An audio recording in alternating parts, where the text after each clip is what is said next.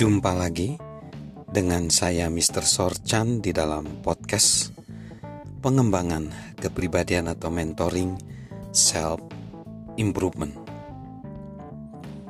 Ubah diri sendiri sebelum mengharapkan orang lain berubah.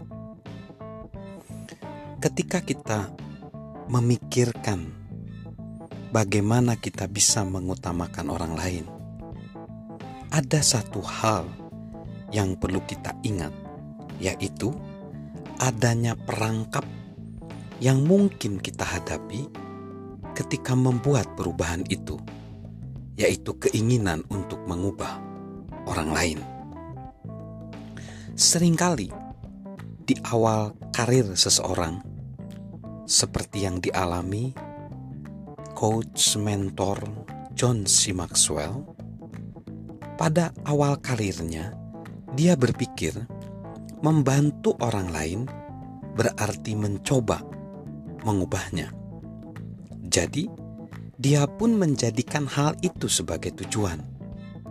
Dia ingin membagikan pesan-pesan yang akan mengangkat orang-orang ke tempat yang lebih tinggi dalam hidup mereka. Dia memberikan banyak saran. Dia masih muda dan idealis. Dia belum mengerti bahwa orang-orang tidak akan berubah hanya karena dia ingin mereka berubah. Mereka berubah karena mereka menginginkannya, dan itu hanya terjadi ketika mereka siap.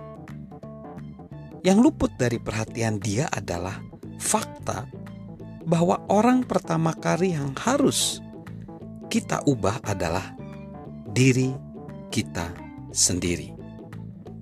Memimpin diri sendiri selalu menjadi yang pertama.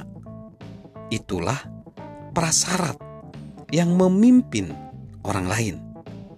Jika kita ingin mengubah dunia, diri kita sendiri harus berubah. Orang-orang tidak bisa menjadi agen perubahan jika mereka sendiri belum mengalami perubahan positif.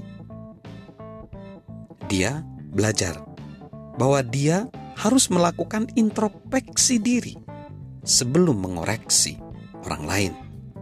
Dengan kata lain, dia harus mengubah diri dia sendiri sebelum dia bisa berharap menularkan perubahan pada diri orang lain. Dia tidak bisa memberikan apa yang tidak dia miliki. Jika dia ingin melihat orang lain berubah, dia harus berubah terlebih dahulu.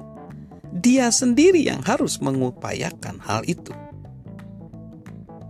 Hal itu akhirnya berkontribusi pada perubahan diri dia dari seorang guru menjadi pemimpin.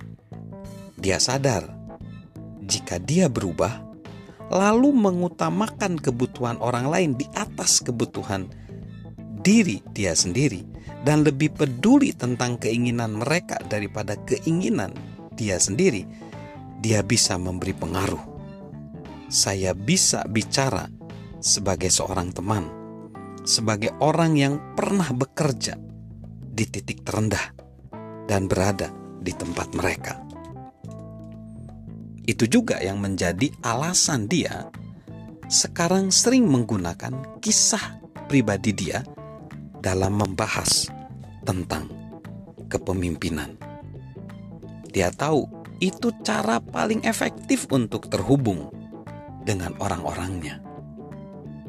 Semua keyakinan dia dan kepercayaan diri dia berasal dari kisah hidup dia ketika menceritakan pengalaman dia, orang-orang menghubungkan pengalaman itu dengan bagaimana pengalaman mereka sendiri yang mempengaruhi mereka.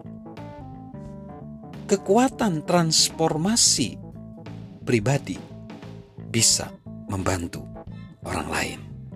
So, mari kita mengubah diri kita sendiri sebelum kita coba mengutamakan atau mengharapkan orang lain berubah.